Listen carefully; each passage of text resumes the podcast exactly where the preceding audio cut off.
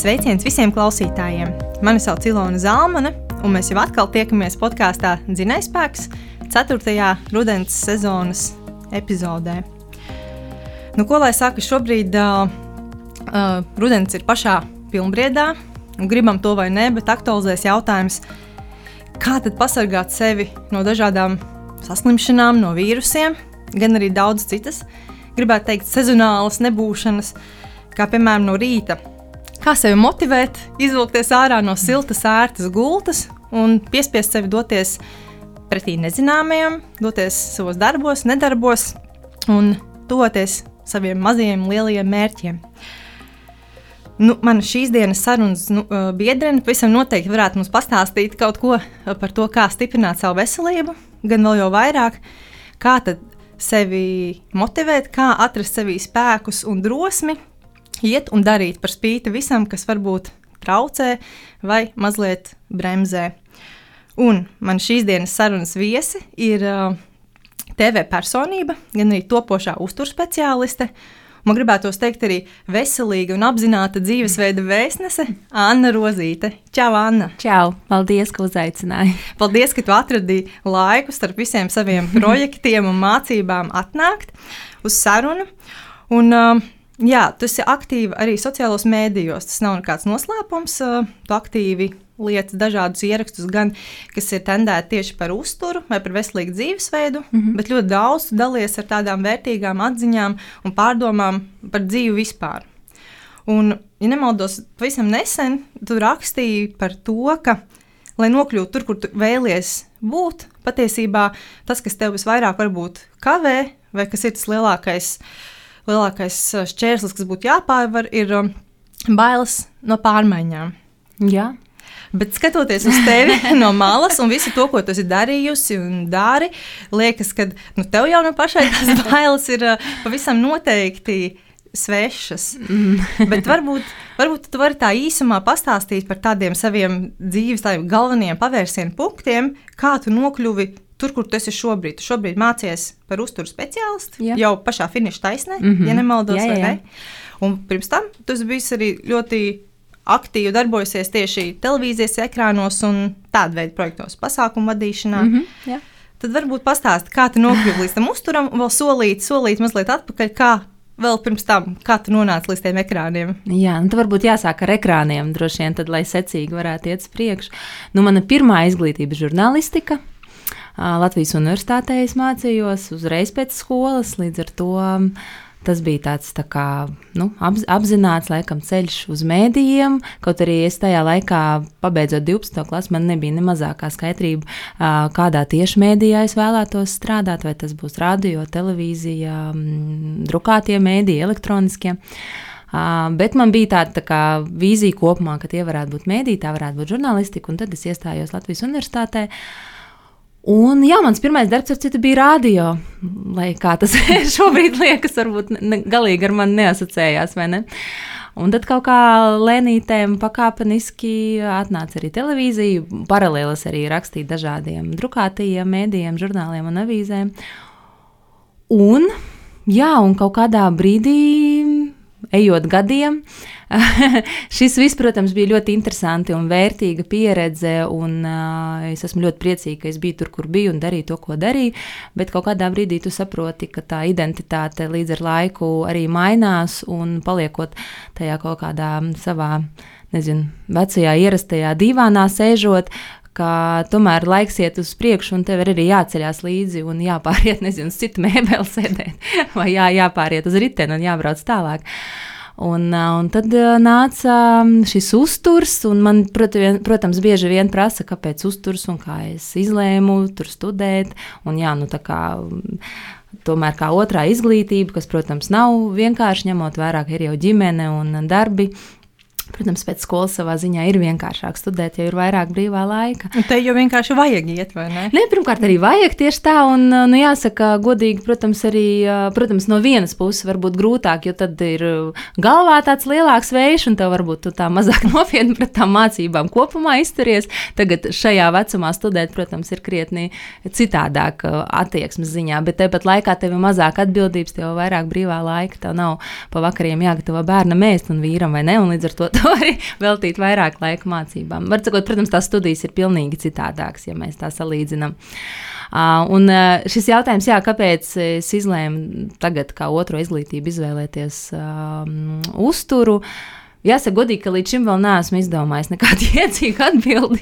man vispār ir jāizdomā, jo bieži prasa. Bet šobrīd es saku, ka man vienmēr ir garšojis ēst. tā laikam man ir tāda lielākā atkarība pēc miega. Kā jau lielākajai daļai, protams, cilvēku bez uzturu mēs nevaram. Bet, Bet es vienkārši kaut kādā brīdī, jau diezgan pasen, sāku vērot sevi un just, ka ēdienam ir diezgan liela ietekme uz mūsu pašsajūtu. Protams, ka mums uzturs ir vajadzīgs enerģijai, lai mēs izdzīvotu, bet uh, pēc savām sajūtām spriežot, es novēroju, ka tur tomēr ir kaut kas vairāk. Ir kaut kāda ēdiena, no kuriem es jūtos labāk, sliktāk, enerģiskāk, mazāk enerģiski. Un, uh, Es mēģināju saprast, kas par lietu. Un, protams, ka mūsdienās ir pieejama 101 grāmata, dažādi YouTube ieraksti, lekcijas, un kas tik nē, nav obligāti jāiet uz universitāti vai ne pēc savām atbildēm. Bet tepat laikā ņemot vērā, ka šī informācija ir tik daudzveidīga un dažāda, un nevienmēr īsti var saprast, kuram avotam var uzticēties, kuram ne, un arī īstenībā um, viedokļu dažādībā jau arī ir vieta būt vai ne.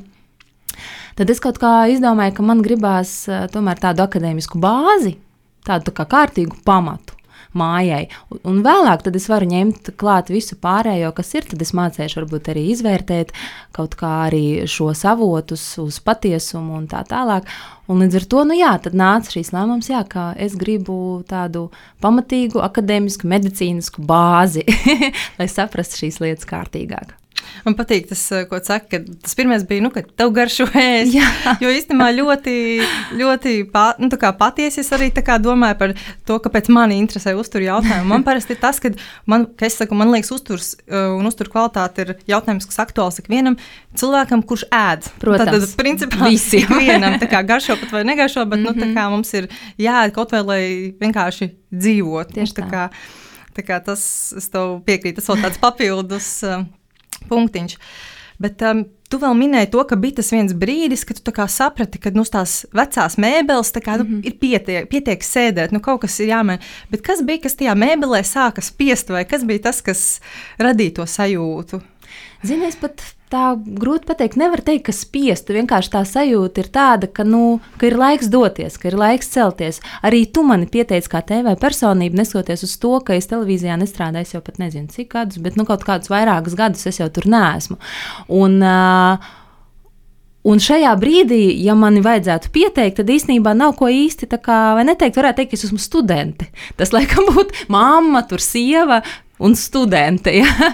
Tas būtu laikam visatbilstošākais. Bet ir saprotams, protams, kā nāk līdzi vēl tas, ko es esmu darījis iepriekš, un tas ir loģiski, un tas ir nu, savā ziņā arī pareizi. Bet, bet, ja tā pavisam, pavisam godīgi, tad vairāk ar televīziju vismaz šobrīd man nav nekādi projekti. Un līdz ar to kaut kādā brīdī, kad tev daudz kur piesaka kā TV personību, Um, tu kaut kādā brīdī arī, nu, jā, ne, nu, nav jau arī melots, vai ne? Bet tāpat laikā tu saproti, bāc, bet vairs tomēr tā nav. Un, uh, un tad kaut kā es sapratu, ka tas uh, ka, ka ir jāiet tālāk. Jā, protams, var šitā ilgi, un viss ir kārtībā. Nu, nav jau man vienam nekas jāpierāda, un tagad jātaisnojas, ka nē, pagaidi, tu taču televīzijā nestrādā, tevi tā nevarētu saukt. Nu, es varētu tā dzīvot mierīgi uz priekšu un darīt kaut kādus savus mazākus, lielākus projektus, kas tāpat ir nesaistīti ar uzturu, un varbūt saistīti vairāk tieši ar manu to iepriekšējo dzīves posmu, kas vēl joprojām, protams, turpinās, un nav atdalāms no manis. Nav jau tā, ka tu aizēji un aizcer durvis durvis, un tas, kas ir bijis, vairs nav ar mani nekādā veidā saistīts. Tas, protams, vienmēr būs saistīts, un tas ir forši, un man tas patīk, un viss ir kārtībā. Bet jā, tāpēc nevarētu teikt, ka bija kaut, kāds, kaut kāda atspēra, kas man tur spieda kaut kur tajā vecajā divānā un nelika mierīgi tajā gulēt un izbaudīt to, ka, kas ir izdarīts. Uh, bet kaut kāda vienkārši tā sajūta, ka jā, tas divāns ir foršs, man tur patika, viss kaut kas foršs piedzīvots. Un uh, nav tā, ka man viņš ir jānoraida, vai kaut kā jāaizmirst, vai kaut kā, nezinu, ar kāju jāstumj prom. Nē, viņš tur ir kaut kur tāpat manā dzīves telpā, bet es sapratu, ka ir laiks vienkārši doties tālāk. Ja tu vēl uh, saki par to, ka jā, tā TV personība tas jau tāds it kā savā ziņā varbūt noietāks etaps. Jā. Mums bija uh, ar uh, Kasparu uz līdzi arī saruna, un arī mēs ļoti daudz runājam par to, ka ir cilvēkiem tā kā vēlmi ielikt kaut kādos rāmīšos, mm. -hmm. un kaut kādā mērā tas bieži ir šajā piemērā balstīts uz to agrāk. Nu, jā, jā, jā, jā. Bet, uh, Es to saprotu, bet nu, man prasās tomēr cilvēkiem iedot to perspektīvu, Nu, pareizi. ar ko ir šī saruna, ko šis cilvēks dara, mm. -hmm. vai vismaz tā tādā lielākā laika griezumā ir darījis. Tieši Un- tā. Bet tas nekādā veidā nu, nenozīmē, ka es tev gribu ielikt šajā. Nē, kad- nē, man par to visu ir. nav, nav problēma. Un es domāju, ka tā TV puse noteikti arī palīdzēs tagad aktīvi būt Instagram, kur tu rīko dažādas uh, diskusijas, uh, arī video formātā. Un Tas noteikti tev tikai kā, kā bonus punkts tev līdzinājā pieredzē. Absolūti, absolūti. Tāpēc es saku, tas, nu, ja mēs tā nosaucam to manu iepriekšējo pieredzi par to veco divānu, kas varbūt skan tā kaut kā ar tādu kaut kādu nicinājumu vai nē, bet nē, noteikti tur nekas tāds nav. Es esmu absolūti priecīga par šo pieredzi. Tas man ļoti, ļoti daudz ko devis dažādās ziņās. Vienkārši, nu jā. Nu, kaut kad ir laiks doties tālāk un piedzīvot kaut ko jaunu un citādāku, bet es, es esmu absolūti pateicīga par šo pieredzi. Un, uh, tagad uh, nesaku, nē, nekādā gadījumā nesauciet mani par TV personību. Vienkārši tādā ziņā, ka, nu, ja mēs tā gribam pavisam korekti un precīzi, tad šobrīd vienkārši televīzija manā dzīvē aktīvu lomu neieņem. Nu, skaidrs. Bet par to uzturu tad, uh, turpinot atkal. Tu aizgāji mācīties Stradiņu universitātē. Jā. ne? Bet tu minēji pirms tam, ka tomēr tu meti acis dažādu citu resursu virzienā - grāmatas, YouTube. Jā. Jā, Kur jā, tu jā. sāki meklēt informāciju? Kas bija tas, kā tu sāki taustīties? Nu, Zini, kā saka, kas, kas meklē, tas atrod. Ja tev interesē kaut kas, tas ir kā nopērts kaut kādu automašīnu, un tev liekas, oh, visiem ir tieši tādas mašīnas. Un iepriekš tu to neesi pamanījis nevis tāpēc, ka visiem nebija, nu, noscīt visiem, bet vienkārši tev nebija aktuāli. Un tas, tas, kas tev interesē, to tu arī sāc pamanīt. Un, protams, grāmatas eh, un internetā ierakstot par jebkuru tēmu, tev izlaiž dažādas mājaslapas, un tad aiz šīs mājaslapas vēl piedāvā līdzīgus, un tā tu ej un ej un ej un eh, meklē. Un es meklēju arī sākotnēji īstenībā apmācības internetā, bet uh, kaut kā neviena man nepārliecināja tā, ka es būtu gatavs ņemt un studēt uzreiz. Un tad, jā, kaut kā nu, Stradiņa universitāte, protams, likās arī kaut kas tāds nu, ar tādu kvalitātes zīmi, un, un tur es nešaubījos, ka tur būs viss pareizi un vērtīgi. Un, bet jāsaka, godīgi, ja es būtu zinājis, ka tas ir tik sarežģīti, būs tās mācības, būs tik in intensīvas un uh, ar tik ļoti medicīnisku bāzi ar ko man iepriekš nav bijis nekāds, ne mazākais sakars. Tad, uh, ja es būtu zinājis, es droši vien nekad neiestātos. Bet paldies Dievam, ka es nezināju. Ka nezināji. un es iestājos, un es izturēju. Un tagad jau pie kaut, kā, kaut kādā brīdī jau tu pierodi pie tās intensitātes un pie tās slodzes, un nu, uztver jau par kaut ko tādu kā normu un, un, un, un ikdienu. Bet konkurss taču tur noteikti bija nu, diezgan iespaidīgs, lai vispār tiktu. Tas jau nozīmē, ka kaut kāda tā izpratne par tiem medicīniskajiem jautājumiem vai kaut kas tāds. tev- Zini, es godīgi sakot, neatceros. Es atceros, ka pirmajā izglītībā žurnālistos gan bija baigais konkurss. Bet šeit es nezinu, tā kā es mācos uh, nepilnā laikā, kas ir maksas apmācības, līdz ar to. Es pat tev nepateikšu, es nezinu. Es zinu, jā, ka, protams, ka, ja tu pretendē uz, uz stipendiju un uz bezmaksas apmācībām, tad, tad tur noteikti ir. Bet manā gadījumā vismaz es nebiju neko dzirdējusi. Tā Kā, bet, bet tas, kas bija vismaz manā laikā, šobrīd vairs nav, bija obligāts vai no ķīmijas vai bioloģijas centralizētais eksāmens, kas bija jāliek 12. klasē, ko es, protams, nedarīju, jo es biju. Un, Jāsaka, esmu vēl joprojām absolūti humanitārs dabas cilvēks, un tādu ķīmiju, bioloģiju nogadies. Nu, nekādā gadījumā man pat prātā neienāca, ka man vajadzētu dzīvē kādreiz tādu eksāmenu, lai ir nokārtots. Un, bet, paldies Dievam, ir iespēja tādiem kā es, kuri savā laikā to neizdarīja, un tagad ir vajadzība nokārtot jau pieaugušajiem tādu pašu eksāmenu, un, un to es darīju. Un, un tas bija nu, nosacīts tāds, lai, lai tiktu mācīties, tas bija tas, kas bija jāizdara, jo man tas nebija. Par konkursu es tiešām, tiešām nezināšu. Bet man ļoti patīk tas, ka tā tā pieredze, ko tu jau tikko paspēji pastāstīt, kaut kā liek aizdomāties par to, ka tās grūtības un tas, kas mums kavē kaut ko darīt, bieži vien ir tikai galvā, kaut kur prātā. Tie, Absolūti. tie putni tur plivinās, jo īsnībā tā kā tu iestājies, tu mācies, tu jau finiša taisnē, tu par spīti visam, kad saki, tas nebija tas medicīniskais background, tā aizmugure, bet tā kā tu visu spējusi izdarīt un iet līdzi, un tas tev nav bijis nu, nekāds šķērslis. Protams, grūtāk, un tā tas jau saprotams, mm -hmm. bet tas tev nav teiksim, apstādinājis kādā brīdī. Un, man liekas, ka bieži vien Tā kā saka, labi, ka to nezināju. Jā, jo, zinot, prātam jau ir tendence izdomāt, jā, jā, jā. ka būs tas, būs Sabīties. tas, un tad būs tas, un, oh, un tad būs eksāmenis, un mm -hmm. vēl kaut kas, un viss. Un tu jau tā kā pat nesāc rīkoties, jo tev jau prāts ir uzbūris ainu, kur, lai vai ko tu darītu, tāpat beigās nekas varbūt nesanāks. Mm -hmm. Bet dažreiz tiešām labi nezināt. Vienkārši pa solītim, pa solītim, pa solītim. Beigās, nu, vēl viena maza solīta, un beigās jau un ir. Jau ir.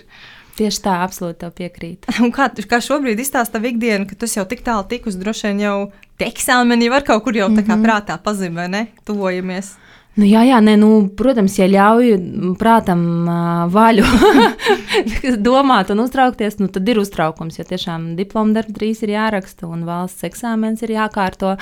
Un šobrīd liekas, ārprāts, nu, nezinu, vai es to vispār spēšu un varēšu, bet es cenšos vienkārši neļaut sev par to domāt. Jo, jā, kā tu brīnišķīgi teici, un es absolūti arī tā pa dzīvi arī daru un domāju, pa mazam solītim, tik tālu, cik es šobrīd spēju redzēt, tik es daru. Un tad, kad pienāks tas lielais, grūtais, nu, tad es darīšu maksimāli, ko es varēšu. Nu, ne vairāk, ne mazāk, jo nu, tu šobrīd nevari neko izdarīt lietas labā priekš tā, kas būs pēc gada, vai ne? Nu, tik daudz, cik mācīties un gatavoties tā kopumā, bet uh, tad, kad šis brīdis būs klāts, tad es darīšu maksimāli, ko es varēšu. Un, Un atliek tikai cerēt, ka viss būs kārtībā. es domāju, ka viss tam noteikti būs kārtībā. bet um, pienāks tas brīdis, kad eksāmeni būs nokārtoti, diploma darbs būs uzrakstīts. Tad, tad rodas jautājums, ko tālāk? Mm -hmm. Vai tev jau ir bijusi līdz šim kāda skaidra kā, vīzija, nu, ko tad tu darīs, kad šis dokuments būs rokā un skola būs pabeigta, pēc plāna varbūt iet tālāk mācīties mhm. maģistros, mm vai varbūt pie tevis varēs iet uz pieņemšanām kādā veselības centrā vai, nu, mm -hmm. Tu varbūt pati pastāsti. Zinīgi, godīgi sakot, es šobrīd vēl to savu formātu neesmu nodefinējusi tā kārtīgi. Uh, jo man, uh, sākot uh, mācības stradiņos, mans tas ideālais plāns, kurš šobrīd es apšaubu, ka es to darīšu, uh, bija tāds, ka es um, tieku pie uzturu speciālista diploma, un vēl man gribējās klāt psiholoģiju pielikt, nu, kas arī būtu tā kā, teiksim, bakalaurs, jo maģistros es droši vien nevarētu arī iet, jo nu, nepietiek uh -huh. tās zināšanas, kas ir nepieciešamas. Uh, bet uh, šobrīd, jā, ņemot vērā, cik šīs studijas ir intensīvas un cik daudz tās no manis prasa, uh, es šobrīd neredzu iespēju, ka es vēl četrus gadus mācītos psiholoģiju. Bet tā doma, kāpēc es to vēlējos, ir uh, tāda, ka es apvienoju, nu, nosacīt tā ļoti, ļoti primitīvi runājot, tā kā kuģa zarnu traktoru smadzenēm. Nu, tāda uzturu speciālists un psiholoģija.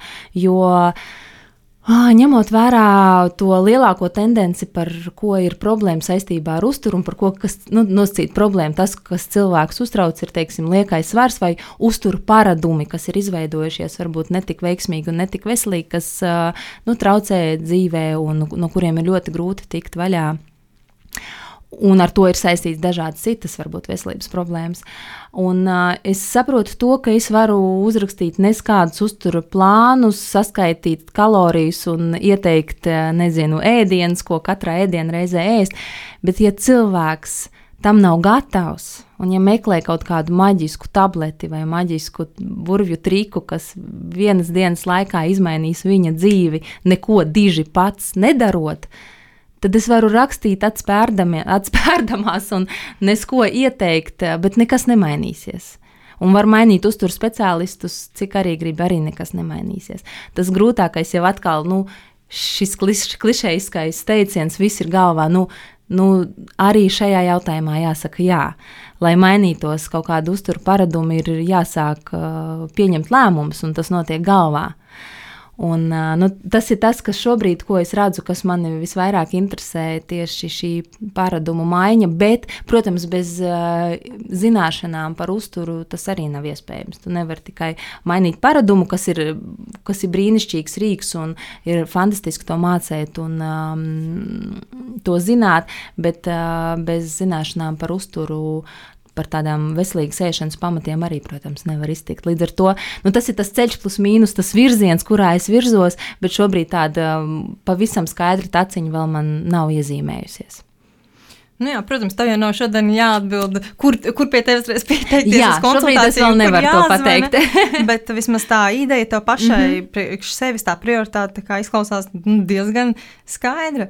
Tad, nu, tad, no tevis, tad no tevis es saprotu, ka kaut kādā mērā tu uzskati, ka tas, kas darās cilvēkam uz šķīvi, tas kaut kādā mērā atspoguļo arī to, kas viņam notiek tur galvā. Nu, kaut... nu, nevis kaut kādā mērā, bet absolūti atspoguļo. Pilnīgi noteikti, pilnīgi noteikti. Jo mēs taču lēmumu pieņemam, kur galvā, un uh, vai tas lēmums ir saistībā ar to, uh, kā mēs uzvedamies attiecībās, kā mēs uztveram cilvēkus, uh, nezinu, ko mēs izvēlamies vilkt mugurā vai ko mēs izvēlamies ēst. Tas viss nāk no galvas, protams. Bet kā tev liekas, kas ir tas varbūt tas pamata cēlonis, tā cilvēku neinformētība vai ne, pieeja nepareizai kaut kādai nepatiesai informācijai, kaut kur sagrābstītāji vienkārši viņi nezina, kā būtu pareizāk. Mm -hmm. Vai arī tas tiešām ir kaut kas jau tāds bišķiņ dziļāk, psiholoģiskā kaut kāda problēma, ka tu zini, bet kaut kas tomēr tev attur vai traucē mm -hmm. iegrozīt sev tādās bišķiņ varbūt pareizākās sliedēs? Zinu, cilvēki ir ļoti dažādi. Ja mēs runājam par Rīgu, es, nu, labi, es tā ļoti tā primitīvi, bet uh, par cilvēkiem, varbūt, kas nezinu, kas uh, sako man, varbūt arī Instagramā. Uh, Uh, tad lielākā daļa cilvēku tomēr visu zina. Un es domāju, ja, ja mēs ietu tagad uz ielas un uh, apjautātu cilvēkus un paprasītu, kā, kas jūsuprāt ir veselīgs uzturs, vai ko nevajadzētu cilvēkam lietot uzturā, um, lai saglabātu labu veselību ilgtermiņā, es domāju, ka visi kopumā zina. Tos pamatnoteikumus, nu, lielos vilcienos visiem ir skaidrs. Um, lielākai daļai. Problēma tiešām ir tajā, ka ka ir grūti pašam nonākt līdz tam, lai tā ir ikdiena. Nu, lai tā nav tāda saņemšanās, akciju veida pasākums, ka es tur tagad nēdu šo vai tieši otrādi vairāk ēdu kaut ko citu, bet tas ir dzīvesveids, jo tikai tad ir iespējami kaut kādi noturīgi rezultāti. Bet, protams, ir arī daļa cilvēku, kas, kas tiešām nezina, un kas ņemot vērā atkal jau to, ka ir pieejama tik plaša un tik daudzveidīga un pretrunīga informācija, protams, arī ir viegli apmaldīties un pārprast lietas un uh, neiedziļināties varbūt kārtīgi. Un skaidrs, nu kuram tad ir laiks, ja tu neesi ar uzturu saistīts cilvēks, tagad iet un lasīt tur rentos rakstus vai vēl salīdzināt ar zinātnisko literatūru, nu saprotams, ka nē. Nu, bet, protams, nu, kāpēc cilvēkam tas būtu jādara, ja tā nav viņa kaut kāda profesija vai nu, kaut kāds hobijs vismaz. Ja? Un tāpēc, protams, ir arī kaut, kāda, kaut kādas lietas, kas ir maldīgas un pārprastas. Un bieži vien, ja, protams, arī mēdījos tiek izcelt kaut kas viens un nepateikts kaut kas cits, un cilvēks uztver to vienu domu, bet nepaskatās, kas ir tālāk. Līdz ar to ir, ir dažādi, ir dažādi, bet atkal jau es gribu teikt, protams, ka ir ēšanas ieradumi. Un ieradums tas ir kaut kas, kas ir ilgi, dikti darīts, kas jau ir kļuvis automātisks. Tur mēs pat nepiedomājam. Un, jebkas, ko tu gribi jaunu ieviest savā dzīvē, tur ir vajadzīga nenormālākā piepūle. Un mūsu smadzenes, organisms mūs saudzē no liekas enerģijas tērēšanas, gribot labu, vai ne? Mums, mums, mūsu organismam nepatīk pārpūlēties. Un jauns ieradums jebkas jauns ir stress mums, jo tas jāiegulda vairāk enerģijas salīdzinoši pret to, ko mēs darām katru dienu automātiski, kur mēs vienkārši nepiedomājam. Un tāpēc tas ir tik grūti, bet nav neiespējami. Man pašai pieredze tādiem kampaņu veidā apņemšanās, ja, mm -hmm. kad no šīs dienas es vairs uzturā nelietošu, nu, piemēram, to pašu cukuru. Mm -hmm. Bet nu, tā, ka nu, nemaz necik. Ne, necik. Un, protams, nu, nedēļa, nu, grūti, nu, kā pieredzes gribās, vai ne, vēl nedēļa. Nu, tā, nu, labi, nu, tā kā var jau izturēt, aiziet kaut kur ciemos, tur mm -hmm. kaut ko mhm. pasniedz. Nu, nē, nē, nē, es tā kā jā, nē. Jā, jā. Tu visu laiku sev tā kā gan fiziski, tā kā tomēr bišķiņa apspied, gan tā kā nu, no sociālā faktora, mazliet tā kā tāds cits planētas. Atdali sevi no pārējiem. Jā. Un, protams, ka agri vai vēlu tas man tā kā ir beidzies, jo tas bijis vai nu kaut kāds tur, nezinu, 90 dienu izaicinājums, vai vēl kaut kas. Mm -hmm. Un tad kaut kā viss aiziet tajās vecajās sliedēs. Un tagad nu, jau kaut kādus vairākus nu, mēnešus, tas nav tā ļoti ilgi, mm -hmm. bet nu, tomēr es kaut kā cenšos domāt, ka ne, nefokusēties uz galējībām, bet vairāk tā kā globāli skatīties. Mm -hmm. nu, piemēram, nu, ja tu visu dienu tur sabalansēts uzturs, nu, tad tās pāris, piemēram, konfekcijas viņas apēdīšu, man gabals nenokritīs. Nu, tad vismaz labāk, lai viņas tādas kvalitatīvas, mm -hmm. nevis tur kaut kādas tur krāsainās, tur, jā, es nezinu, žēlējas bet, piemēram, tāda laba šokolāde. Bet es sev par to nepārmetīšu un zināšu arī, ka kopēji manai veselībai tas neko nemaina. Un ar šādu attieksmi kaut kā ir daudz vieglāk. Tas, Super. tas sniedz daudz lielāku kā, prieku, nu, tā ir mm mana pieredze. Tas neprasa man nekādu piespiešanos, un tas man neliek, kā, nezinu, attiecībās ar citiem cilvēkiem aizejot kaut kur brīvdienās brančā. Tas man mm neliek tagad justies tā, kā es būtu sasietām rokām Jā. vai kaut kur ielikt, un man tagad ir jāskatās, un es oh, nezinu, ko darīt. Un man liekas, ka tā, nu, man vismaz tā tiešām bija tā atslēga, kas uh, iedarbojās ne tikai uz fizisko ķermeni, bet arī uz manu prātu. Bet līdz tam, lai nonāktu, man ir bijis diezgan grūts ceļš, jo mhm. pārsvarā tā informācija, kas man sasniedz, ir diezgan tāda. Uz galējībām tendēta, nu tad mēs izslēdzam visu piena produktu, mm -hmm. visu cukuru, vēl kaut ko. Vai nu tad tagad uh, diēta, tur, es nezinu, kaut kāds kaloriju ierobežojums, kaut kas tāds, nu tā, ka tu visu dienu staigā ar buršķošu vētru. Mm -hmm. nu, kad visas tās idejas, kas it kā sola veselības uzlabošanos, jā, jā. vai tur sulu kūris, vai vēl kaut kas, nu to es neesmu mēģinājis. Bet, nu, viss ir tāds ļoti ļoti tāds, es nezinu, kā lai to nosauc. Tāds, Nu, uz gribas spēku, tendēts, jā, jā, uz tādu saņemšanos. Bet vai tas tā kā ilgtermiņā iedarbojās?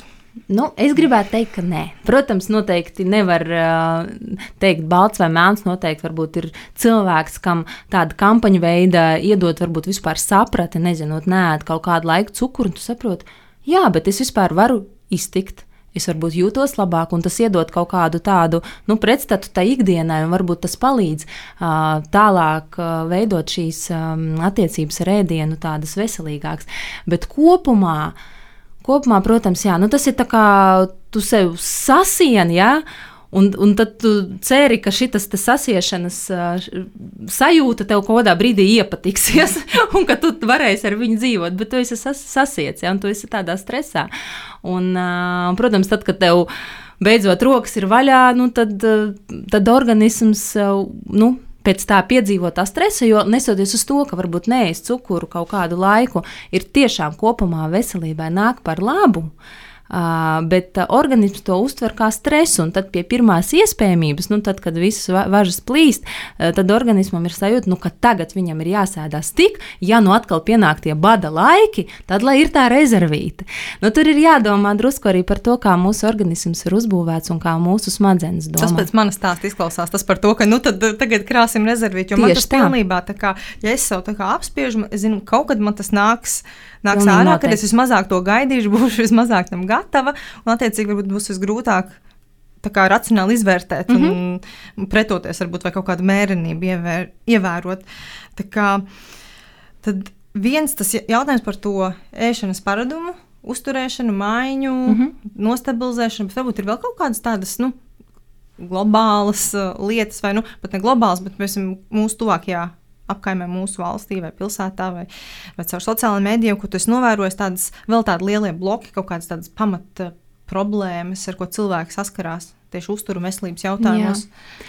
Ne, nu šobrīd jā, ļoti populārs ir cukuru jautājums, bet uh, kas savā ziņā ir, es teiktu, labi, ka tam pievērš uzmanību. Uh, Jā, bet uh, kur ir problēma, ka jā, ar tām kampaņu veidā es saku, nu, varbūt nav slikti par to kopumā domāt un kaut ko darīt lietas labā, bet tas, diemžēl, neatrisina to dzīvesveidu jautājumu. Un tad tas, kas man liekas, kas pietrūkst, vismaz no tā, ko es redzu, ka nav tas, tā sapratne par to, kas ir kopumā tāds veselīga ēšana, par to, ka veselīga ēšana nav ēst maz Man liekas, tas vēl ir tāds no tām diētām, kas ir ļoti daudz un dažādas, kas, kā jau tu minēji, arī uz kaloriju samazināšanu tendētas. kas asociējās ar veselīgu ēšanu. Ja, jo mēs arī, nezinu, Google ierakstām, tad, nezinu, veselīga, veselīgs dzīvesveids vai kaut kādu mēs ilustrāciju meklēsim, tad pārsvarā būs slaida meitenes maidīgi ar salātu lapu bļodu. Nu, tā, tā, tāda ir asociācija, vai ne? Un, uh, Un, protams, ja mēs salīdzinām pretstatā ar cilvēku, kam uz šķīvi ir kaut kas, e, nezinu, eļļā cepts un ļoti, ļoti trakns, protams, ja mēs ņemam tādas galējības, ka ir kaut kas viegls un ir kaut kas ļoti, ļoti smags, bet kopumā uh, tikai uz salātu lapām dzīvot, tas, tas nav veselīgs uzturs. Absolūti nē, un tas man liekas, ir tas, kas, kas drusku trūkst tajā sapratnē, ka veselīgs uzturs ir tāds uzturs, kur ir visas uzturvielas vajadzīgās. Mēs nerunājam par pārēšanos, mēs ne, nerunājam par kaut ko, ka vajag daudz, bet noteikti pietiekami, lai tavam organismam pietiek instrumenti darboties. Jo man patīk salīdzināt uzturu ar tādu instrumentu kasti. Mūsu organisms ir ļoti, ļoti gudrs. Nu, es teiktu, arī gribot uh, savā ziņā citēt um, Pēteru Kļavu, uh, kā viņš bieži vien arī saka, nu, jūs tagad domājat, ka jūs tagad baigie gudri un pārvaldat kaut ko par savu dzīvi, vai tu zini, kā, nezinu, izdzertā tēja beigās pārvēršas par urīnu, kur tu izčurā podā. Uh, Nu, mēs, labi, mēs varbūt cilvēki, kas uh, studē medicīnu, cilvēku organismu, tehniski to var aprakstīt, kā tas notiek. Ja? Bet principā mēs taču to nevadām, nejūtam, līdz galam arī nesaprotam. Bet tas notiek neatkarībā no tā, vai es esmu traktorists, vai es esmu radio dīdžejs, vai es esmu uzturu speciālists. Tas vienkārši mūsos visos notiek pats par sevi, un tas ir viens process Tāpat laikā notiek vēl tūkstošiem procesu, kurus mēs neapzināmies, nesaprotam. Vai mēs guļam, vai mēs skrienam, vai mēs dejojam, vai mēs ēdam, vai mēs runājamies šobrīd. Paralēli viss notiek. Un, var sakot, šis garais ievads bija par to, ka mūsu organisms ir nenormāli, nenormāli gudrs un zina, ko darīt.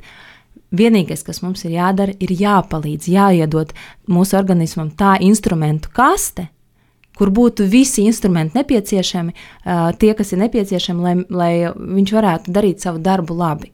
Un, ja, protams, ja mēs iedodam, nezinu, tikai kaut kādus trīs instrumentus, Un, protams, organisms ņem un pielāgojas. Un, uh, ņemot vērā to, ko mēs iedodam, viņš cenšas izveidot visu pārējo, ko mēs neiedodam, kas trūkst. Mūsu organisms arī pats ražo ļoti daudzas uh, vielas, uh, ja, ja tas ir nepieciešams. Un, protams, saku, organisms pielāgojas un izdomā veidus, kā izdzīvot. Bet uh, visam ir sava kapacitāte, vai ne?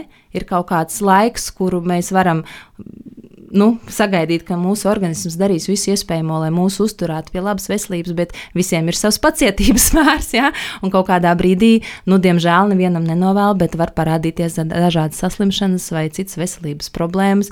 Tieši tāpēc, ka vienkārši organisms nu, gribēdams vienkārši vairs nespēja. Un mēs nerunājam tikai par uzturu. Te ir, protams, arī saistīts ļoti lielā mērā ar miegu, ar miega kvalitāti, ar fiziskām aktivitātēm. Arī kas mūsdienās, kas ir 21 gadsimta slimība, tā varētu teikt, stress, ar stresa menedžmentu un noturību. Un ja mēs nedodam instrumentus, lai varētu šajā gadsimtā mēs izdzīvot, nu, tad organisms, protams, turās līdz maksimumam, bet kaut kādā brīdī, nu, labu gribēdams, bet vairs neko nevar izdarīt. Un, protams, arī atkarīgs mums no ģenētikas un viens labāk turās šajā gadsimtā, cits sliktāk. Un, nu, mēs esam dažādi. Nevar teikt, ka mēs esam pilnīgi vienādi, ieliekot vienādos apstākļos. Katram tomēr uh, tas dzīves ceļš un, un rezultāts būs citādāks.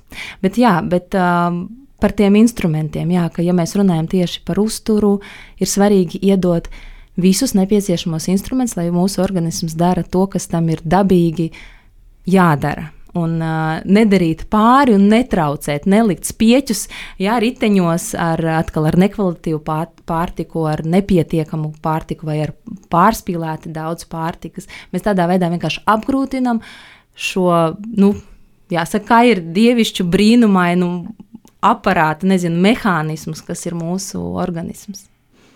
Bet, uh, kā tāds cilvēks parastais, kas varbūt nav izpētījis visus zinātniskus materiālus, devies uz kursiem vai pat nav bijis uz vizīti pie uzturu speciālista, kā var nu, tā noteikt? Vai es uzņemu visu, kas man ir mm -hmm. nepieciešams, vai es savu, savu organismu nodrošinu ar visu to, kas viņam vajadzīgs, lai spētu kvalitīvi ilgtermiņā funkcionēt? Nu, jāsaka, godīgi, protams, cilvēkam, kam nav nekāda saistība ar uh, uzturzinātni vai nu, vismaz kaut kāda interese, ka cilvēks, kas nav neko papētījis, nu, ir pagrūti. Protams, ka tas ir grūti, uz acis tas nav izdarāms, tāpēc ir šī profesija. Nu, tas tāpat kā, nezinu, kā jebkurš mediķis, eh, nu, tu arī nu, tu nevari pats sev zobus salabot vai saprast, vai tev kārtībā viss ar sirdi vai ar plaušām vai ar kādu citu orgānu. Nu, tur ir nepieciešams cilvēks, kas to ir mācījies un, un saprot. Un tieši tāpēc šī profesija pastāv un ir vajadzīga un cilvēkam, kuram uh, ir kaut kādas šaubas un bažas un uztraukumi pamatoti vai nē, ir, protams, vērts doties pie uz, uzturu speciālista. Sanāk tā drusku reklāma, bet nu, es tiešām nevaru pateikt, nezinu, piecus punktus, kā saprast mājas apstākļos, vai tu uzņem visas uzturvielas. Nu, nu, es nevaru, es nezinu šādu ceļu, uh, bet, uh, protams, uh, Protams, ka mūsdienās ir tik daudz dažādas tehnoloģijas, ir izdomāts, ko tu mājas apstākļos vari darīt. Um, ir dažādas aplikācijas, uh, kas tev palīdz um, izveidot tā saucamo uzturu dienas grāmatu, ko prasīs jebkurš uzturu speciālists, ja tu atnāks uz vizīti. Jo, protams, pēc izskata un pēc mazas sarunas tu nevari saprast, kas tam cilvēkam trūkst, vai kas ir par daudz, vai kas ir par maz, vai ko vajadzētu mainīt. Tev jāredz, ko šis cilvēks nedēļas teiksim, garumā, ideālā variantā ēd. Un tad tu vari saskaitīt, saprast, kas ir jā, kas ir nē, ko pa daudz ko mainīt, vai varbūt viss ir perfekti un neko nevajag mainīt. Un, uh, tas ir uzturu speciālista viens no uzdevumiem, viens no primārajiem uzdevumiem, bet ir dažādas aplikācijas, kas palīdz arī pašam uh, savadīt uh, teiksim, visas savas ēdienreizes, un svarīgi visas, visas, jo kādreiz arī cilvēkiem liekas, nu, es taču neko nēdu, nu, ko tur, ko tur, un nesaskaita, ka nezinu kaut kādu sauju, rozīnes tur pa vidu starp ēdienreizēm. Kā kādu konfektīti, kādu aboli, un tas taču tā taču nav nekāda ēšana, vai ne? Un tā arī liekas, bet, ja sasumē, tad beigās tur tomēr tas ietekmē rezultātu. Un tādas aplikācijas ir. MyFitnessPal ir viens no tādām, un tad ir tāds Fat Secret arī, kur tu, kur tu vari savadīt visus, visus ēdienus, ko tu ēd. Viņš tev uzreiz visu parāda, cik tu esi apēdis olbaltumvielas, cik ogļhidrāts, cik taukus, cik enerģiju. Pirms tam tu ievadi, protams, arī savu dzimumu, vecumu, augumu, visus parametrus, jo katram mums ir citādāk. Protams, ir atš atšķirība, cik vajag enerģiju, cik uzturu vajag, nezinu, omītei 80 gadīgajai, kas labi, ja vienreiz dienā iziet uz veikalu. Un, nezinu, 20-gadīgajam divmetrīgam sportistam, kuram ir divi treniņi dienā. Nu, tāpēc nevar kaut ko tādu zelta vidusceļu visiem. Ir pilnīgi dažādas vajadzības. Dažādas uh, vajadzības arī uh, saistībā ar fiziskām aktivitātēm, cik daudz mēs patērējam šīs pašas ener enerģijas, šīs kalorijas. Un, uh, var sakot, jā, turpinot par šīm aplikācijām, tad jā, ir šādas aplikācijas, kur tu visu redzi. Uh, kas tev ir, kas tev nav, ko tev vajadzētu vairāk. Un, um, nu, šis ir viens no tādiem veidiem, ko var mājas apstākļos pats vismaz ko sākt apskatīties. Un otrs, um, kas manuprāt vēl ir tāds būtisks uh, mūsdienās, ir um, asins analīzes. Jo šobrīd modē ir dažādi uzturbagātinātāji. Un jāsaka, ka liela daļa cilvēku, manuprāt, viņus uh, nenovērtē vai pārvērtējis. Pat nezinu, kā pareizi pateikt. Kā nu kurš droši vien cilvēks? Kā nu kurš, jā. Bet uh, gaida arī kaut kādus brīnumus un uh, uzskata, ka ir kaut kas vienkārši tāpat vien jāpadzer, jo, jo rudens, vai tāpat vien jāpadzer, jo nu, visi taču to dzer. Un, uh, un, diemžēl uh, nenovērtē to, ka tas, var, nu, ka tas nav tik nekaitīgi. Nu, tas var nodarīt tomēr pāri, ja to dzer cilvēks, kuram to nemaz nevajag un nesaprotot, kāpēc mēs to lietojam. Un tāpēc ir asins analīzes, kur arī nav jāiet pie uzturu speciālista. Uh, ne, nu var, var iet pie ārsta uzturu speciālista, lai varbūt precīzāk noteiktu, kuras tieši, bet kopumā nu, tādu pamatiņu, kas, nu, kas mūsdienās ir, manuprāt, ļoti būtisks, ir D vitamīna līmeni, ko vajadz, vajadzētu noteikt, lai saprastu, vai tev vajag lietot papildus kā uzturu bagātinātāju, un ja vajag, tad cik. Tas, tā ir arī liela atšķirība, vai tev ir galīgs deficīts, pie deficīta, vai tev ir normas robežās, un tev vajag tikai uzturošo devu, vai varbūt tev ir labā līmenī, un tev tiešām nevajag, nesoties uz to, ka lielākai daļai vajag. Bet ir atsevišķi cilvēki, kam viss ir kārtībā, kuri, kuriem nevajag neko papildus. Ar to tas ir ļoti, ļoti būtiski. Tad, protams, dzelzs, feritīns, kas īpaši arī ir būtisks sievietēm, gan saistībā ar grūtniecību, un, un, un, un, un ar bērniņu zīdīšanu. Dažādi taču sievietēm ir posmi dzīvē, gan arī vispār ar sievietes ciklu, bet arī vīriešiem mēdz gadīties. Protams, arī B12. Nu, ir dažādas analīzes, kuras ir būtiski saprast pirms kaut ko lietot tāpat vien, jo nu, vajadzētu taču laikam.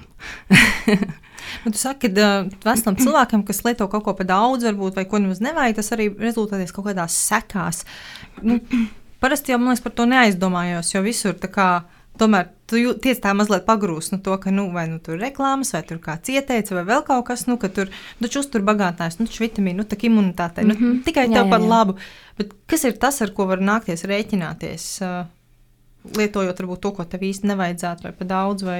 Zini, es neesmu, par to neviens nebrīdina. Zini, es neesmu farmaceits, es tā precīzi tev nevarēšu katram kaut kādam uzturbagātinātājam pateikt sekas vai blaknes, bet skaidrs, ka katram ir var pārdzerties ūdeni un nomirt. Mm. Nu, jebkām, pat, kā, pat nerunājot par uzturu bagātinātais, kas ir tomēr nu, savā ziņā zāles. Ja?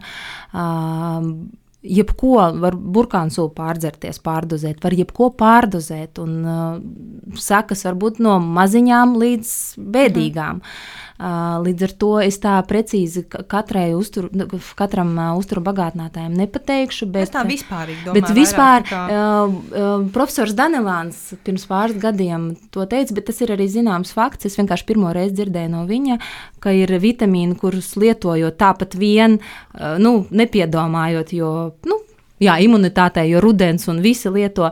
Uh, varētu nebūt nekāds efekts, bet arī nekādas blaknes nebūtu. Un, ja es nekļūdos, es atvainojos, ja kāds tagad klausās un šo pētījumu zina, tad uh, pēc tam, ja kas es publiski atvainošos, bet man liekas, uh, A un E vitamīni bija tie, kurus lietojot. Nu, Tāpat vien neprātīgi, nezinot, vai tev vajag vai nevajag, samazina cilvēka dzīves ilgumu. Oho, tā tāda diezgan, nu, kā, nu, diezgan, diezgan iespaidīga. Kā liekas, nu, ko tad es te vitamīniņus taču padzeru, ja? Bet uh, tev jāsaprot, kāpēc un vai tev tiešām viņus vajag. Un vitamīni arī mēdz būt ļoti dažādi. Nu, tad tev, tev vajadzētu kādu farmaceitu uzaicināt par šo parunāt. Man būtu ļoti interesanti arī paklausīties. Bet, bet jā, var sakot, nu, nav joka lieta. Tas nav tā vienkārši, jo bez receptes var dabūt jebkurā aptiekā, un tu vari cik gribi viņas dzert, un neviens to nekontrolē. Tu vari ne? pasūtīt internetā, tev Facebook aizmetīs reklāmas, protams, ar jā. saiti patiešām nopērts un piegādes mājām, tur mm -hmm. divu stundu laikā vai vēl kaut kas. Absolut. Ne, cilvēkiem ir jāsaprot, nu, tas, protams, ir bizness. Un atkal nevar teikt, ka visu uzturu bagātinātāji tagad slikti un nevajadzīgi. Pilnīgi noteikti nē. Kā jau jebkas dzīvē, svarīgi saprast, kāpēc tev to vajag, vai tev vajag, un cik daudz tieši tev personīgi vajag. Mēs esam absolūti individuāli katrs, un vajag pieeju katram savu atsevišķu. Tad uh, pat taisno pie ģimenes ārsta vai pie uzturu speciālista, kurš var iedot norīkojumu, nododam mm -hmm. asins analīzes, un tad nesteidzīgi, prātīgi izvērtējam un tad izlemjam par labu vai, vai tomēr nē. Kādam uzturbagātinātājam. Tieši tā, jā, es tiešām no sirds iesaku arī konsultēties ar kādu zinošu cilvēku, jo uh, pašam izdomāt, arī interpretēt um, asins analīžu rezultātus, nu, es teiktu, nu, nu, ka tas arī ir diezgan sarežģīts jautājums. Google mums nepalīdzēs šajā. Uh, Zini, es neesmu mēģinājis skatīties, ko saka šajā jautājumā Google. Gan jau, ka varbūt kāds arī kaut ko jēdzīgu saka, bet jāņem vērā, ka noteikti ir arī daļa, kas varbūt kaut ko ne līdz galam ir sapratusi un vai, nu, diez vai apzināti kādam ļaunumu vēl, bet nu, mēs nevaram zināt, kā labāk iet pie kāda dzīva cilvēka, ar ko tu vari aprunāties. Skaidrs. Tad gan es to ņemšu vērā, gan es ceru, ka arī visi, kas uh, klausās šo ierakstu, -hmm. aizdomāsies un izvērtēs savu nepieciešamību. Varbūt tomēr veikt kādu nelielu check-up vai kaut vai šajā pašā aplikācijā, ko tu minēji. Jā. Vienkārši pasakot līdzi mēdienam, ko te tīri intereses pēc saprast. Jā, tieši tā, jo Lai... tā mēs nevaram, neskatoties pat uz to, ka es uh, nu, šīs profesijas ietvaros domāju par ēdienu uzturvielu ziņā. Es domāju tā, vai šodien esmu uzņēmusi uzturu olbaltumvielas, vai man vajadzētu vēl kādā ēdienu reizē, vai tas bija pietiekami, vai šis. Tāpat es nevaru uz aci pateikt, cik es esmu apēdusi, tāpēc tas ir ļoti, ļoti vērtīgs rīks. Man patīk klausīties, ka tu uh, ēšanas un uzturu jautājumiem tu no divām pusēm visur skaties. Tā kā viens tas uh, praktiskais, tas tā uzturu puse, bet visu laiku tomēr arī tā, tā piedomāšana, tā pašanalīze, tā izvērtēšana, tā, es teiktu, tādā dziļākā līmenī. Un, kā tu pati minēji, ja, kad tev tā doma bija, varētu turpināt mācības psiholoģijā Jā. un tā kā rakt vēl tālāk, bet arī bez tā ikdienā, cik es esmu piefiksējis, tu diezgan aktīvi runā par dažādām apziņotības praksēm, par uh, pašizaugsmas ceļu, par dalies ar grāmatām, ar kurām tu mm -hmm. lasi. Tas kaut kādā mērā arī, man liekas, iedod tev to uztveri un to skatījumu tādu dziļāku, vai ne? Nu, jā, nu, man laikam jau uzturs un apziņotība ir divas lietas, kas man ļoti, ļoti interesē. Un, um, un ja kādreiz man varbūt šķita, ka tās ir nu, divas dažādas tēmas, tad šobrīd es saprotu, ka tās ir absolūti apvienojamas. Un viena par otru ir um, nu, daudz ko var pateikt, skatoties gan uz vienu. Mēs varam spriest par, par, par otru tēmu, un tā viena otru arī papildina. Tāpēc jā, šīs abas tēmas man ir aktuālas, un man liekas, jā, tieši tā viņas ir ļoti vērtīgas viena otrai kā tāds pamatīgs atbalsts un uh, saprotot vairāk vienu no pusēm, tu vairāk saproti otru un otrādi. Un, uh, jā, nu es cenšos, uh, zin kā, Ne, nu, redz, kā interesanti arī klausīties, ko tu saki. Tas nozīmē, ka, ka to var pamanīt, ka man tas ir aktuāli. Un es, protams, cenšos dalīties, cik nu man uh, sanāks laiks un iespēja. Un vispār es uzskatu, ka jo vairāk mēs sevi saprotam, jebkurā sfērā. Tas nāk par labu vispār kopumā arī pilnīgi citām dzīves sfērām. Tāpēc tāda apziņotība ir ļoti būtiska arī ēšanas ziņā, kā tu teici. Man bija ļoti patīkami klausīties, ko tu stāstīji par to, kā tev ir tagad. Ka tu jā, izvērtējot to, kā tu esi kopumā ēdus, tu saproti, jā, ka tur aizejot ciemos vai kaut kur apēdot kaut ko drusku saldu vai tādu, nu, kas ikdienā varbūt tev nav, ka tas tev nenāks par ļaunu. Un, Un šī tāda apziņotība ir, man liekas, tas, kas ved uz veselīgām attiecībām ar ēdienu un vispār uz veselīgu dzīvesveidu kopumā. Bez tādām galējībām un uz tādu sevis saprašanu un tādu piečakošanu. Un, nu, jā. Manuprāt, tas ir ļoti, ļoti svarīgi. Bet tā ir baigā tēma, tāpēc es tā tagad minstinos un nevaru saprast, ko man īsti teikt vai neteikt. Nu, tā varbūt īsumā, kurā brīdī tu pati par šo jautājumu aizdomājies, jo es saprotu, ka katram ikdienā ir savs skrējiens, savs steiga, apkārt visādi trokšņi, burzma, mm -hmm. dzīve notiek. Un kurā brīdī kā, tev bija tas mirklis, kad tu tā kā apklusi un ieklausies pati sevī kaut kādā mm -hmm. savā dziļākā būtībā un par šo jautājumu sāk tā kā tālāk šķetināt? Oi, šis ir sarežģīts jautājums. Mums ir laiks. nu, Bišķi mums ir gan vēl laiks, jā, mums ārā nemet. À, nu, jo tī, šī ir tāda arī plaša tēma, jo uzturs ir kaut cik tāda arī ļoti plaša, un tur var nescik ilgi runāt un dažādās detaļās un niansēs. Tad šī tāda personīga kaut kāda izaugsme un um, apzinātība ir ļoti plaša tēma. Es cik sevi atceros, man vienmēr ir bijuši dažādi jautājumi, uz kuriem es neesmu spējīga bijusi atrast atbildes. Jo pusauģu vecumā es atceros, es māmu savu mocīju ar jautājumiem, kāpēc mēs vispār esam, kāda ir dzīves jēga. Uz ko mana mamma īsti nezināja, ko atbildēt. Teica, nu, par sevi viņa teica, viņa teica, nu, mana dzīves jēga esat jūs, mani bērni. Tad es zinu, kādā pusaudzim, kādi bērni. galīgi neaktuāli.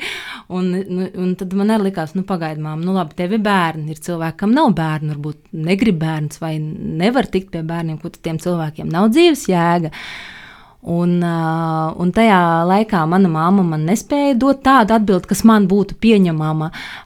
Un tajā laikā vēl arī nebija nu, tāds internets tik ļoti attīstīts, un droši vien man arī nebija īsti pieeja pie dažādām grāmatām, kas man šobrīd ir. Uh, Un tad es, eh, es saucu šo savu vecumu par tādu nu, nosacītu pusauģu depresiju. Kaut arī, protams, tā nebija mm. klīniska depresija, bet man bija ļoti, ļoti daudz jautājumu, ar kuriem es netiku galā. Un līdz ar to tā tēma man visu laiku ir bijusi līdzās. Un, uh, un tad kaut kādā brīdī, kā jau teicu, kas meklē, tas atrod. Es sāku iet uz kaut kādiem arī, kad palika populāri visādi semināri. Tas jau ir salīdzinoši nesen. Mums tagad liekas, nu, kurš neiet uz dažādu veidu semināriem. Vienalga, vai tas ir saistīts ar, ar personīgo izaugsmu, vai ar kulināriju, vai ar tamborēšanu, vai nezinu, ar vainagu pīšanu. Ja? Šobrīd tas ir tik aktuāli un visiem ikdienā saprotam, kādreiz jau tā nebija. Un tad... Tas ir tik forši, ne? kad ir tā iespēja, tā jā. informācijas un iespēja pieejamība. Absolūti, jā, un tik dažādi, un katrs var kaut ko iemācīties un uzzināt priekš sevis nepieciešamo. Un, un tad tas laiks, nu, sanāk pirms kādiem desmit gadiem tas sākās, nu, cik es pēc savas dzīves atceros, un tad es tiku uz dažādiem semināriem. Un tā tas aizgāja. un kā jau es saku, tu sāc ar kaut ko vienu, tad tu iepazīsties vēl ar kādu cilvēku, tad tas iesaka vienu grāmatu, pēc tam tu ieraugi, tas stāsta par šo grāmatu, tur un tālāk jau tu jau nevari izlasīt visas grāmatas, apmeklēt visus seminārus, pieteikties uz visām apmācībām. Uh, var sajūt prātā, vai ne, šobrīd no šī piedāvājuma. Līdz ar to. Uh, Jā, nu tā, tā, nu tas, tā nu tas kaut kā ir. Un, nu, un, un es arī šobrīd arī jūtu, ka es drusku esmu no tiem cilvēkiem, kam, kam gribās visur paspēt, visu noklausīties, visu izprast, un kas nav iespējams. Tad ir jāļauj sev drusku apstāties un pateikt, stop. Uh, nu, ka tev nav jāuzsūc viss, un tas nav neiespējams, nav vajadzīgs. Un, uh, un arī, kad ir ļoti daudz informācijas, tad jau tu viņu nespēj sagramot. Vajag pat drusciņai, lēnītēm kaut ko priekš sevis paņemt un tad uh, iet tālāk. Un, uh, nu, tā, un tas jau ir tāds nebeidzams ceļš īstenībā. Tu kaut kad esi arī rakstījusi par meditācijām, meditāciju praksēm mm -hmm. un sniegus dažādas atbildes, varbūt kaut kādiem savu Instagram sekotāju jautājumiem. Bet uh, kā tā kopumā skaties, uh, nu, kā tu teikt par meditāciju? Tas ir kaut kāds tāds instruments, kas ir skaidrs, ka tas ir pieejams visiem, bet vai tas ir kaut kas tāds, kas ir nepieciešams visiem? Varbūt visiem to nemaz nevajag, vai tieši pretēji tiem, kam liekas, ka nevajag, tie, tiem to vajag visvairāk. Vai... Mm -hmm. kā, kā tu šo jautājumu skaties? Uh, Uh, nu, ņemot vērā, ka man ir ļoti pozitīva pieredze ar meditāciju, un, uh, kā tu teici, es arī uzskatu, ka tas ir instruments. Meditācija nav pašmērķis tieši meditēt. Meditēt ir instruments, lai labāk sevi saprastu un um, lai kļūtu kopumā apzinātāks ikdienā, kas ietekmē pilnīgi visas dzīves sfēras un uzlabotās. Bet noteikti ir cilvēki, kam uh, nevajag, ir dažādi, starp citu, arī psiholoģiskie cilvēki tipi, kam uh, tas var pat nākt par sliktu, bet nu, tas ir mazākums. Un, bet, nu, tur ir tiešām jākonsultējās ar um, kādu varbūt pieredzējošāku cilvēku. Bet kopumā es gribētu teikt, ka, nu, ka lielākajai daļai cilvēku tas uh, nāktu par labu. Un kā tu teici, varbūt tie, kas saka, ka man noteikti nē. Uh, nu, es nevaru to apgalvot, man nav nekāda pierādījuma, bet pēc iekšējās sajūtas tieši man gribētos teikt, ka tie, kas, kas saka, man tas nedara, man nesanāk, man nepatīk, tiem tas varbūt visvairāk arī ir vajadzīgs. Bet nu, tā, tā ir tā, tikai tāda sajūta. Bet, jā, bet skaidrs, kā jau ar jebko citu, tā ir disciplīna, tā ir prāta higiēna, varētu teikt. Un uh, bez tādas uh, disciplīnas tas nav izdarāms. Un, uh, un, nu, tur arī par tā, kā jau par jebkuru tēmu, arī par apziņotību ir daudz visādi uh, maldi un neizpratne. Un tad bieži vien tu minēji arī tu Instagram, kur es kaut kad šad un tad mēdzu par to runāt. Ir par meditāciju ir tāds, nezinu, varbūt tagad mazinās, bet tas kādreiz bija ļoti populārs. Tāda, tāda doma par meditāciju, ka tā ir domu apstādināšana. Uh, nu, tas nav par to. Tas tiešām nav par to, jo nu, domas mums ir vajadzīgas. Mums nav jāuztver domas kā kaut kas negatīvs un briesmīgs, kaut kas, kas mums uzbrūk un dara pāri. Uh, tas tā var būt, ja mēs nemākam sadarboties ar savu galvu. Jo te jautājums ir par to, vai mēs esam karalis un valdnieks, kas uh, menedžē domas un uh, tās savā ziņā kontrolē, vai domas valda pār mums, un tā kā kurā virzienā viņas aizplūst, tur mēs arī aizskrienam un krītam un gāžamies un nesaprotam, kas notiek, un vispār netiekam ar sevi galā. Protams, par to ir stāsts. Uh, bet, jā, bet tas nav par domu apklusināšanu, jo domas ir dabīgs mūsu prāta produkts. Tas tāpat kā teikt, visas tagad sēdēšu un uh, apstādināšu aknu darbību. Nu, kāpēc? Jā, ja tu apstādini vai aknu vai prāta darbību, tad principā nu, tad uzredzēšanos tu vairs šajā pasaulē visticamāk nevarēsi eksistēt. nu, kā, nu, tas tā ir. Tā es domāju, ka ir svarīgi nevis kaut ko apstādināt, Bet uh, meditācija ir par vērošanu, par tādu vērotāju pozīciju, ka tu vēro, ka tu pieņem, uh, ļauj tam notikt. Man ļoti patīk, uh, kas man arī palīdz. Palīdzēja sākotnēji vispār ļoti labi saprast, vispār, par ko ir meditācija un apziņotība. Tu sēdi pie loga, nezinu, pieņemsim, piektajā vai devītajā stāvā. Nu, klasisku māju iedomājamies, guļam rajonā. Sēdi pie loga savā mājā un lido garām putniņš, nu, balodis. Un tu nevis vienkārši, lai sēdētu un vērotu, kā viņš palido garām taviem personīgajiem logiem un aizlido tālu prom, un tu par viņu vairs visticamāk dzīvē nekad neatcerēsies. Ko tu dari? Tu taisi logu vaļā un lec viņam pakaļ, mēģini viņu noķert. Nu, kas notiek? Nu, nekas labs, vai ne? Uh, un te ir stāsts par to, jā, tu sēdi un tu vēro, kā šies, šīs domas kā lido garām, jo doma atnāk un aiziet, atnāk un aiziet ja mēs tai pieķeramies un sākam veidot stāstīņus, asociācijas, viedokļus, nu tad tur nebalodas, bet es nezinu, kas tur izaug par kaut kādu milzīgu briesmoni, kas mums vis, visbiežāk nenāk par labu, jo mēs jau tā, es atvainojos, latviešu sakot, uzkruķiem, ja? ne, tās, ne tās labākās lietas, ko mēs, kas mums pēc tam tur sēž, tādas milzīgas un bojā attiecības arī ar citiem. Uh, Un uh, stāsts ir par to, par to vērošanu. Un uh, vēl man ļoti patīk teiciens, uh, nevajag pārāk nopietni uztvert to, kas notiek mūsu galvā. Nu, tādā ziņā nevajag pārāk ticēt tam, ko mēs domājam. Nevajag uzskatīt, ka tas, ko mēs domājam, ir simtprocentīgi patiesība, jo tā lielākoties nav. Man liekas, ka vispār kaut kur bija tāds teiciens, ka visu dzīvi kā tādu nevajag ņemt pārāk nopietni. Arī domājot par saviem mērķiem, par nodarbošanos, par darbiem. Nu, nevajag visam pieiet pārāk nopietni par tām domām. Tas man liekas ļoti tā, labi, ļoti mhm. trāpīgi mm -hmm. pateicis. Nu, nevienmēr tas, ka mēs tā domājam. Tā ir. Tā ir Lielākoties tā nav. Vismaz pēc manas pieredzes. Bet tā, tā meditācijām, cik zinu, arī daudz dažādas jau aplikācijas pieejamas telefonā, mhm. datorā, mm -hmm. YouTube, gan jau atrast. Nu, jā, informācijas jā. tā kā ir daudz. Ir daudz. Bet, ja gribas tā konkrētāk un vairāk nu, par uzturu mēs noskaidrojām. Tuk, tuk, pie uzturu speciālista un izrunāsim. Bet šādās lietās kā meditācija, apziņotība, mm -hmm. prāta balansēšana, līdzsvarošana, teiksim, pie kā vērsties uh, šādos jautājumos, vai meklēt kaut kādus seminārus, varbūt, mm -hmm. vai kas būtu tādi pirmie soļi? Kā, nu, ir uh, dažādi cilvēki. Man teiksim, ir svarīgi, bija svarīgi, ka sākotnēji man ir kāds skolotājs, kāds, kurš ar lielāku pieredzi pastāsta. Uh, no dažādām pusēm parāda iespējas, es par saviem tā teikt, apziņotības skolotājiem varu saukt miervidus, Indra un Sandis Dūšeļi, kas vada šo centru. Viņiem ir dažādas lekcijas, semināri, apmācības. Gan iesācējiem, gan tādi arī meditācijas retrīti, tādi pavisam nopietni, kas ir nu, uz vairākām dienām vai nedēļu.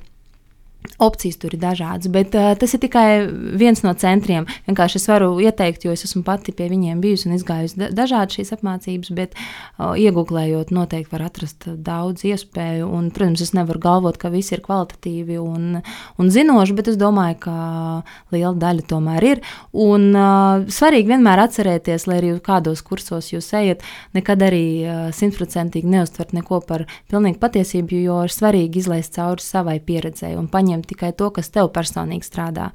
Un tas ir ļoti, ļoti būtiski, jo nu, citādāk, uzticoties kāda viedoklim, īsti nepārbaudot, vai tas der tev, var ar visādi nelāgi sanākt. Tas droši vien attiecās gan uz ēšanas jautājumiem, uz gan uz tādiem prāta higiēnas, kā teicu, gan uz visu. Citu, bet tu, tu minēji, ka aptuveni desmit gadi ir tas laiks, kad, nu, kā, kad tu sāksi par šiem jautājumiem pati interesēties un mm -hmm. savu ceļu. Un tad, ja mēs runājam par tādu ieguvumu no šādām lietām, tā kā, tad varbūt var tā pateikt, nu, tādas galvenās lietas, kas ir pamainījušās. Anna pirms desmit gadiem, un Anna mm -hmm. tagad varbūt tā uztverē, nu, tā uz lietām vispār, uz lietu kārtību pasaulē vai uz prioritātēm. Kas ir tas, ko tu šodien teiktu, tas galvenais, kas ir, kas ir pavērsies citādāk? Nu, tāds galvenais ir tā sevis sapratne. Tas tāds lielais būtu tas virsraksts, teiksim, šim tematam, jo uh, Jo vairāk es sevi saprotu, jo tad man ir pašai labākas attiecības ar sevi un vērtīgākas arī ar citiem.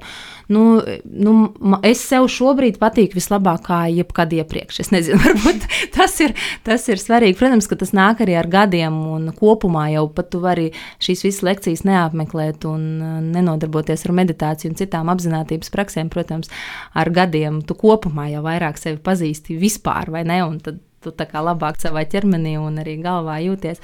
Bet uh, es esmu pilnīgi absolūti, protams, mainījusies, kas ir arī loģiski, visi mainās. Bet uh, jā, šī sevis. Um, izpratne, manuprāt, ir man palīdzējusi veidot tādas labākas attiecības ar apkārtējiem. Bet kas ir tāda nosacīta negatīvā blakne, teiksim, apziņotībai konkrēti, um, nu, tā saka, ka ķermenis paliek skaļāks tādā ziņā, ka ja iepriekš varbūt tev ir bijusi kaut kāda nenormālākā spriedze, vai stress, vai stipra emocija, un tu tāpēc, ka tu sevi nepazīsti un nejūti, tu arī nejūti, ka tas tev ir bijis. Tikai pēc tam tu jūti ārprāts kaut kāds nenormāls nogurums, vai galvas sāp, vai kaut kas, un tu nesaproti, ar ko tas ir saistīts. Um, vingrinoties apziņotībā, tu vari labāk saprast. Vairāk, lab, labāk saproti tās, tās ķēdītes, no kurienes tās kājas aug. Un, un līdz ar to um, tu labāk, labāk, varbūt stiprāk izjūti kaut kādas emocijas, kas tevī notiek, un kas uh, savā ziņā ir labi. Jo tad tu, ah, man ir šāda emocija, tev ir brīva izvēle, ko ar viņu darīt. Vai tu aizēji uz kādu, vai tu kaut kādā citā veidā tiec galā, lai saglabātu attiecības, jo tev tās ir svarīgas, vai ne? Uh, bet tāpat laikā tu viņas stiprāk izjūti šīs emocijas un kas uh, kādreiz varbūt uh, rada arī kaut kādas savā ziņā nu, nērtības. nu, ja īstermiņā mēs to skatāmies, tad varbūt to var tiešām saukt par nērtībām. Mm -hmm. Bet, ja tomēr tādā ilgtermiņā, tad man liekas, tā sevis izjūšana un pazīšana un tā spēja, ka tu jau, tu jau redzi, jau varbūt kaut kādu cēloni, kaut, jā, kā, kaut uz kurien tas ved. Vai tu pat jūti vēl tikai nu, jā, preventīvi, absolūti. ka kaut kas, kaut kas tuvojas? Tūlīt būs, tūlīt būs, jā, jā. Un, ja kādreiz, nu vispār par mani tā kopumā, cik es spriežu par to, ko cilvēki par mani saka, ir tāds viedoklis, esmu tāda mīļa, jauka, nekad nepaceļu balsi, nemāku dusmoties. Un tas, protams, tā nav. Tas ir kaut kāds, nu, nes, es nevaru teikt, ka tas ir kaut kāds apzināti veidots tēls, bet kopumā es esmu pozitīva un man patīk mana dzīve, man patīk pasaule, kurā mēs dzīvojam. Tas nav uzspēlēts vai uzspīlēts vai kaut kādā citā veidā mākslīgi.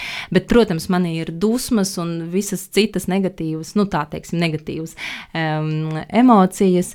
Uh, un uh, jāsaka, ka tagad es. Uh, vairāk sevī šīs dusmas pamanu, un, un ja es par sevi varētu teikt, ka šobrīd es varu sevi saukt krietni par dusmīgāku cilvēku nekā iepriekš, bet es domāju, tas ir tāpēc, ka es vienkārši viņus māku identificēt un saprast.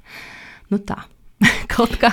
es vēl gribu no sevis piebilst par to, ka tu saki, jā, ka tas nav, nu, ka tavs tas, uh, skatījums un tas pozitīvs nav uzspēlēts par to, ka, nu, es varu pilnīgi piekrist, pēc tā iespēja, kāda tas atstāja varbūt caur, caur ekrānu, caur mm -hmm. kā, sociālo mediju ekrānu, un, un ka man tā sajūta jau bija radusies pirms tev aicinājusi sarunu, kad man gribētos ar tevi aprunāties, ar jā. tevi kā ar cilvēku, jo tas, kas no tevis staroja, likās, nu, nu nevar būt, ka tas viss ir tikai skaistu bilžu mākslīgi uzbūvēts kaut kāds, es nezinu, tiešām ārējais tēls. Un, jā, jā. un tagad runājot ar tevi klātienē un redzot, un es varu tikai pateikt un apstiprināt to, ka um, tas mans pieņēmums ir kā, tikai apstiprinājies, nevis uh, pilnīgi pretēji sagrozījies.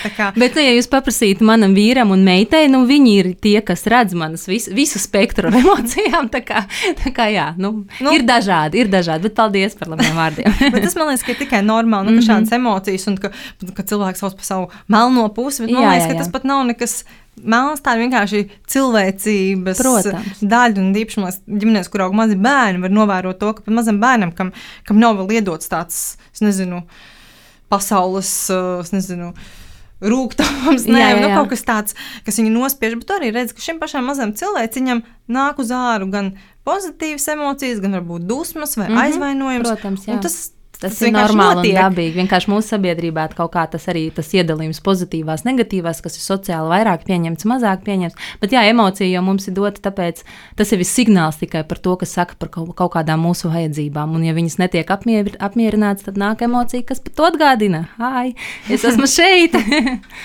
Man liekas, ka nu kā, tagad jau skatos uz laiku, mēs tā runājam, laiks pārjoņos priekš ļoti ātri. Bet tas, ko es to gribēju vēl paprasīt, kas man arī liekas, ka kaut kādā veidā, ka cilvēki, kas dara, kas seko tam, kas viņiem patīk, un tās iespējas arī nu, ne jau gluži nokrīt no zila gaisa, bet kaut kādā mērā panākt tev soli pretī. Un, uh, nesen tu iesaistīsies arī kādā projektā, Zvaigznes uh, mm -hmm. izveidotā spēlē. Tu varbūt vari pāris vārdos izstāstīt par to spēli un kāda ir tava loma. Es jau mm -hmm. esmu izlasījusi, izčekojusi, bet es gribu tieši to tavu, varbūt, lai tu uzsver, kas jā. ir tas galvenais. Nu jā, Zorgus veidoja šo spēli, viņam ir noslēgusies, bet nu, viņš turpina savas apmācības citos formātos. Tā bija online tāda tā kā sociālā platforma um, saistībā ar to, kā atrast savu aizraušanos. Un uh, viņš man uzaicināja būt daļai no šīs spēles, no šīs apmācības, runājot tieši par uzturu. Jo stāsts ir par to, ka vienalga, ko tu dzīvē gribi darīt, ir svarīgi atkal jau sevi saprast. Un šī spēle bija par to. Arī, lai tu varētu atrast savu aizraušanos, tev ir jāsaprot, kas ir tavs stiprās puses, kas tev aizrauj, un, un viņam ir ļoti daudz brīnišķīgi instrumenti, kā viegli spēlējoties līdz tam nonākt. Un, um, Un savukārt ir svarīgi neaizmirst arī par šo savu fizisko daļu.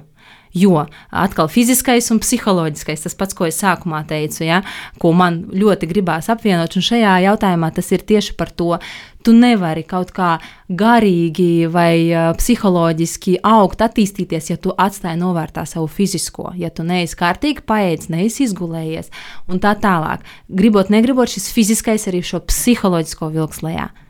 Un eh, šeit bija stāsts par to, cik būtiski ir parūpēties par savu fizisko daļu, par savu zāru, lai tu vari savu, savu nezinu, garu, dvēseli, prātu, jebko, kā mēs nosaucam, attīstīt un pilnveidot un tuvoties savam mērķim. Un arī otrādi, ja tu super, super tur piedomā pie sava uztura, fiziskās aktivitātes, miega, bet tu galīgi nepiedomā pie kaut kādām garīgās izaugsmas lietām arī tur būs kaut kāda buksēšana. Ir svarīgi, ka viens otru papildina un jānotur šis viss balansā. Tad, tad šī virzība tuvāk sev. Kā gribi, var teikt, arī uz priekšu, tuvāk mērķim, notiks viss veiksmīgāk. Šis mācības būs vēl kaut kur pieejams, vai tu nezini? À, nu tas jāprasa viņam, es tā precīzi nezinu, vai Jūs šādā formātā. Ļoti interesanti. ļoti interesanti. Es tiešām no sirds iesaku, bet viņam ir daudz apmācības, cik saprotu, pedagogiem, viņš strādā ar skolotājiem. Uh, bet arī ar uzņēmumiem, protams, individuāli, personīgi. Bet es domāju, ka būs noteikti būs. Jāprasa viņam, kāda viņam plāna. Mēs runājam, ka uz nākamo gadu mēs varētu arī kaut ko vēl kopā darīt. Uh, kuras varētu vairāk par, tieši par uzturu stāstīt. Tā, tā kā noteikti kaut kas vēl būs. Jāsako līdzi. Sekosim līdzi. Sekojot tev līdzi, droši vien, ka Instagramā tu noteikti painformēsi. Protams, ja es piedalīšos, tad pilnīgi noteikti. Jā. Kā, pastāsti, kāds varbūt nezinu vai nesako, bet gribētu atrast, kā tev var sameklēt. At rozīte. es esmu Instagram. Tur arī kaut kur Facebookā vai citā? Zinu, Facebookā es esmu, bet es esmu tur galīgi neaktīva un pārējos sociālos tīklos. Ne. Tad tu esi tā kā Instagram atradusi un atzinusi par to savu par savu platformu, platformu kur Forši. Tad visi, kas vēl nesakoja, droši ir aicināti. Jā, paldies, priecāšos iepazīties. Bet uh, tas, ko es tev vēl noslēgumā gribētu pajautāt, gan man interesē tiešām tā kā tas no tava aspekta, ko teiksi, gan arī varbūt gan es vai kāds cits kaut ko no tā varēs sadzirdēt un paņemt kaut ko vērtīgu sev. Un tā lieta ir, kas sākumā minēja, ka ir tas rudens ar tām sezonālajām rakstīgām mm -hmm. grūtībām no rīta dažreiz vienkārši brutāli izvilkt sevi no tās gultas, sapurināt mm -hmm. un pateikt, nu, saņemies, ej un dari. Un gan rudenī, gan vispār, kur tu sevī rodi motivāciju, iedvesmu, to, to dzīves spāru, gan ikdienā, gan tīpaši varbūt tajās nu, grūtākajās dienās, kad ir grūtāk saņemties. Kas ir tie? Tie punktiņi, kas, kas palīdz, ja? kas palīdz, kas tev piešķir dienu kā, citā kvalitātē. Man ļoti palīdz plānošana. Nu, disciplīna, mēs varam tā teikt. Es sev visu saplānoju kas varbūt es zinu, ka cilvēki, kuriem tas nepatīk, un liekas, nu, kur tad paliek kaut kāda tur, nezinu, jautrība, spontanitāte, kas man liekas, to absolūti neizslēdz. Bet, ja tev nav rāmis, tad aiziet visputrā. Es teiksim, bez tāda rāmja nevaru. Man vajag, lai man ir konkrēti saplānos. Līdz ar to es plānoju savus treniņus. Lielākā daļa no treniņiem man ir ar treneri. Līdz ar to jau ir grūtāk. Protams, ka no rītiem ir kādreiz rīta, ka liekas, es nekur negribu iet, un es varētu aizrakt un teikt, es nebūšu. Bet tas, ka tu esi sarunājis cilvēku, tas, protams, tev uzreiz ir krietni grūtāk šo visu padara atteikt un ne, neatnākt. Tu zini, ka cilvēks ir speciāli nācis priekš tevis. Ja? Nu, tu nevari tagad, zināt, man vienkārši nekas īsti nav noticis, es vienkārši slinkoju un negribu. Uh, tās man palīdz absolūti. Tas ir ļoti labs jo, veids, jo es zinu, ka ir cilvēki, kas uh, vingro mājās. Es abrīnoju, es nevarētu. Man tiešām tas būtu krietni grūtāk, tāpēc es sev plānoju ārpus mājas un ar kādu cilvēku lielākoties. Bet tas ir svarīgi sākumā. Pēc tam, kad tu iesāc, ja mēs konkrēti par vingrošanu runājam, pēc tam organizācijā organisms prasa, un šobrīd man vispār ar to nu, ļoti retu reizi ņemot vērā rudeni. Kādreiz man ir bijusi doma, mm, kā man negribētos, varbūt treneris netiek ar cerību skaties telefonā, varbūt ir atrakstījis, kas, protams, nekad tā nenotiek. Un, bet, bet tāpat es ceļos un neju, un, jo arī ar laiku, kad tu turpini vingrot, tad um, ja organisms pierod, un tas ir tā, tā kā pozitīva. Um, atkarību. Man prasās, es gribu šo sajūtu, ko es iegūstu treniņa laikā, un pēc tam man tiešām to vajag. pēc dozes uz treniņa zāli, gan arī izvājā. Un, uh, Jā, tas ir konkrēti par, par, par, par sportu un par to, ka vajag plānot. Es plānoju arī ēdienreizes savas. Man plānošana tiešām ir ļoti būtiska. Miegs atkal jau ir svarīgi plānot. Un arī um, ja mēs runājam par to, kā agrāk celties, kas varbūt iedod vairāk laika sev, vai tā ir vingrošana, vai ja meditācija, vai kas cits, kas tev paliek justies labāk un iedod tādu foršu sajūtu turpmākajai dienai, un tad iesaka tad, nu, to darīt no rīta, to laiku pielikt sev klāt rīta stundās, kamēr varbūt pārējie ģimenē vēl guļ, tad ir svarīgi atcerēties, jā, ka foršs rīts sākas iepriekšējā vakarā. Un tas ir gan laicīga gulētiešana, gan nēst uh, galīgi pirms gulētiešanas, lai būtu miegs kvalitatīvāks, nerisināt kaut kādus smagus, smagus jautājumus uz nakti, kas arī traucēs miegam. Protams, tie paši ekrāni. Kurus nevajadzētu lietot. Nu tā, nu, manā gadījumā atkal, jau, ja, ja es atbildu tā īsi uz jautājumu, kas man palīdz, tā ir plānošana. Ja, ja paskatās manā plānotājā, man tur tiešām nu, kā tādā armijā. Bet man tas patīk, jo, jo man tas dod struktūru, formu, un tāpat laikā man tur arī ieplānots kaut kādas brīvās stundas, kuras varu darīt tajā brīdī, kas man ir aktuāli vai ko es vēlos. Uh, bet, jā, bet, Tad ir tas laiks tā jautrībai. Tā jautrībai un spontanitātei, un, protams, dzīvē ievieš, ievieš korekcijas. Protams, nu nekad simtprocentīgi viss neizpildās arī tajā, ko es ieplānoju, bet, ja izpildās tie paši 80%, tas jau iedod to rezultātu un foršo sajūtu. Skaidrs. Es varētu šo lietu varbūt pat apdomāt un ieviest varbūt savā ikdienā, jo man plānošana ir nu, īpaši pēdējā dzīves tādā nu, īsākajā posmā galīgi aizbraukusi. Labi, tur mazu bērniņu, tas, tas, tas pavisam citādāk. Nu. nu, bet tāpat tās, jā, bet tā, tā doma, tas, kā tu to pastāstīji, nu, ka tas ievieš to skaidrību. Nu, kā, varbūt man ir tas, kas šobrīd mazliet pietrūkst, un, un es šo noteikti paņemšu priekš sevis un pamēģinu. Jā, jo nav fakts, ka tev tas der, jo cilvēki taču ir dažādi, bet man tas ļoti patīk. Jo, tad, jo ja man tā nav, es kādreiz esmu domājis, varbūt tiešām es sev ielieku pārāk lielos rāmjos, man vajag kaut kā tā brīvāk plūst, un es saprotu, ka es to laiku, kas man nav ieplānots, es viņu necik vērtīgi nepavadu. Un, protams, tie ir sociālie tīkli un kaut kas tāds, ko pēc tam tu saproti, un kur tās entās stundas ir palikušas nekur. Tāpēc es esmu kārtējo reizi sev sapratusi, jā, ka man tā plānošana ļoti dara. Tā kā, jā, ir vērts pamēģināt. Nav fakts, ka derēs, bet nu, pamēģināts nav zaudēts. Un īstenībā arī par tiem sociālajiem mēdījiem es domāju, tas ir īpaši tev, jo tu nu, diezgan aktīvi to izmanto. Mm -hmm. Gan ne tikai izklaides nolūkos, bet tomēr arī kā savu tādu profesionālo platformu. Jā, jā. Kad, man liekas, ka tur arī diezgan viegli tas laiks. Nu, tur sācis ar bišķiņu un aizsēdies. Un tur, Absolūti. Tur droši vien arī tu izmanto kaut kādu tādu plānošana vai uzskaita. Vai... Zini, kas ir labs veids? Man ir dienas, kad, jā, kad es jūtu, ka es esmu pārgurusi. Un tad man ļoti velk vienkārši skrolēt, nu, tā, tādā zombiju režīmā. Un es to jūtu atkal jau, es saprotu, kas ar mani notiek. Un kādreiz es apzināti sev ļauju, ja es zinu, ka man nav kaut kas ļoti, ļoti tāds, uh, svarīgs. Uh, Uh, nu, ka es vienkārši atlieku kaut kādas svarīgas lietas un vienkārši sēžu un reāli neko nedaru. Bet uh, vēl viens ļoti labs veids, kas man palīdz uh, ieturēt struktūru, īpaši tad, kad ir jāmācās. Jo tad, kad ir jāmācās un kaut kas jādara tāds, kur vajag smadzenēm piepūli, smadzenes ir tik gudras. Viņas izdomās simts un vienu veidu, ko tev pēkšņi tieši tagad ir jāizdara, kā tik nemācīties. Un, eh, un tas, kas man palīdz sevi kaut cik noturēt rāmjos un piesaisties pie tās mācī, mācīšanās un neskatīties ik pa piecām minūtēm, kas telefonā jauns, eh, es paņemu lapu. Un es rakstu tā, pūkstens, cik tagad, tik un tik, 11,46. Ko es daru? Es pierakstu, ko es daru. Un tad mazākais, ka, teiksim, ja es pastos telefonā, man ir jāpieraksta tur 11, 48, skatos telefonu, jāpieraksta līdzi. Un tas, ka tu to pieraksti, un tu redzi, jo tā jau tas laiks tāds plūstošs, tu jau viņu tā nejūti, vai ne kā viņš pazūd. Uh, bet, ja tas ir uzrakstīts uz lapas, tas ļoti palīdz, un tad tu saproti, bācis, jo nu, tu arī redzi 20 minūtes, ko, neko. Vienkārši neko vērtīgu neesmu izdarījusi. Tāpat laikā, kad ir jādara. Ja?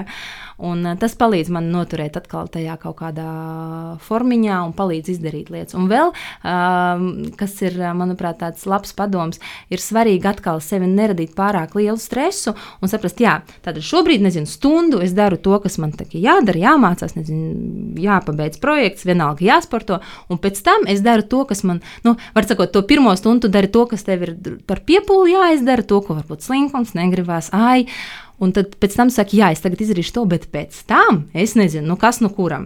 Iedzeršu kafiju, tur piezvanīšu draudzenei, nu varbūt atļau, varu, varu atļauties, nezinu, ieskriet veikalā, kaut ko sev tur paskatīties. Nu kaut ko, ka tu, nezinu, aiziet uh, uz spā, nu labi, labi tas tāds liels, nu ieiet vannā, nu vienalga, kas nu kuram pēc iespējām un vēlmēm. Kaut ko tādu, ka tu sev saliec tādu, kur tev vajag piepūli, ar nākamo posmu tādu, kur tu izbaudi. Nu tā, un tad, tad augšā, lejā, augšā, lejā, un tā tas iet uz priekšu. Tas, principā, tas savs ieteikums būtu nebūt pret sevi varbūt arī pārāk prasīgiem, bet tomēr ar tādu iejūtību un sirsnību. Absolūti, kā... jā. Tieši tā, vispār lūdzu nekādu vardarbību. Protams, disciplīna prasa, bet ne vardarbību. Disciplīna ir disciplīna. Tas jau nāk tev par labu. Nevajag sevi šausmīgi mocīt, bet nevajag arī izlaist. Un svarīgi ir arī tas, ka, protams, ir dienas, kad nu, neko negribās. Un sev nepārmest galvenais tajās dienās.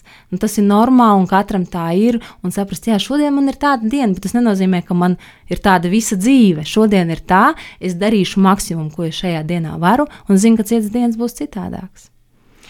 Šis man liekas tāds ļoti jauks apkopojums beigās, nu, ko tu pateici, ko, kas var visu kā, sasummēt, varbūt uh, sarunu par to, ka katra diena mums ir dota, lai šīs dienas ietros pie esošajiem apstākļiem, pie esošajām Jā. iespējām, pie konkrētā veselības stāvokļa vai pašsajūtas, lai mēs izmantojot šos resursus, lai mēs vienkārši tajā brīdī ieklausoties sevi, bet darītu to, to labāko. Tieši tā.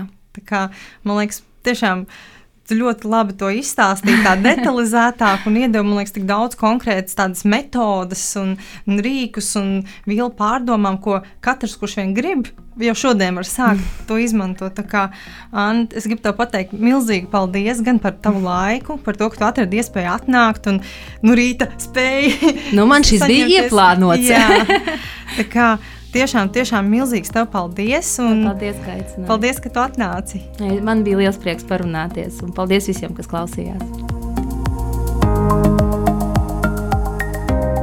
Šīs dienas uh, epizodē ar Annu, man liekas, mēs katrs varam paņemt, kā jau vienmēr, kaut ko noderīgu, kas visvairāk aizsēž tieši mūs. Bet, uh, ja jautātu man, man palika prātā tā doma par līdzsvaru, par to, ka tas, kas notiek mūsu prātā, atspoguļo mūsu ķermenisko pusi, mūsu praktiskās izvēles, mūsu rīcību un pašsajūtu.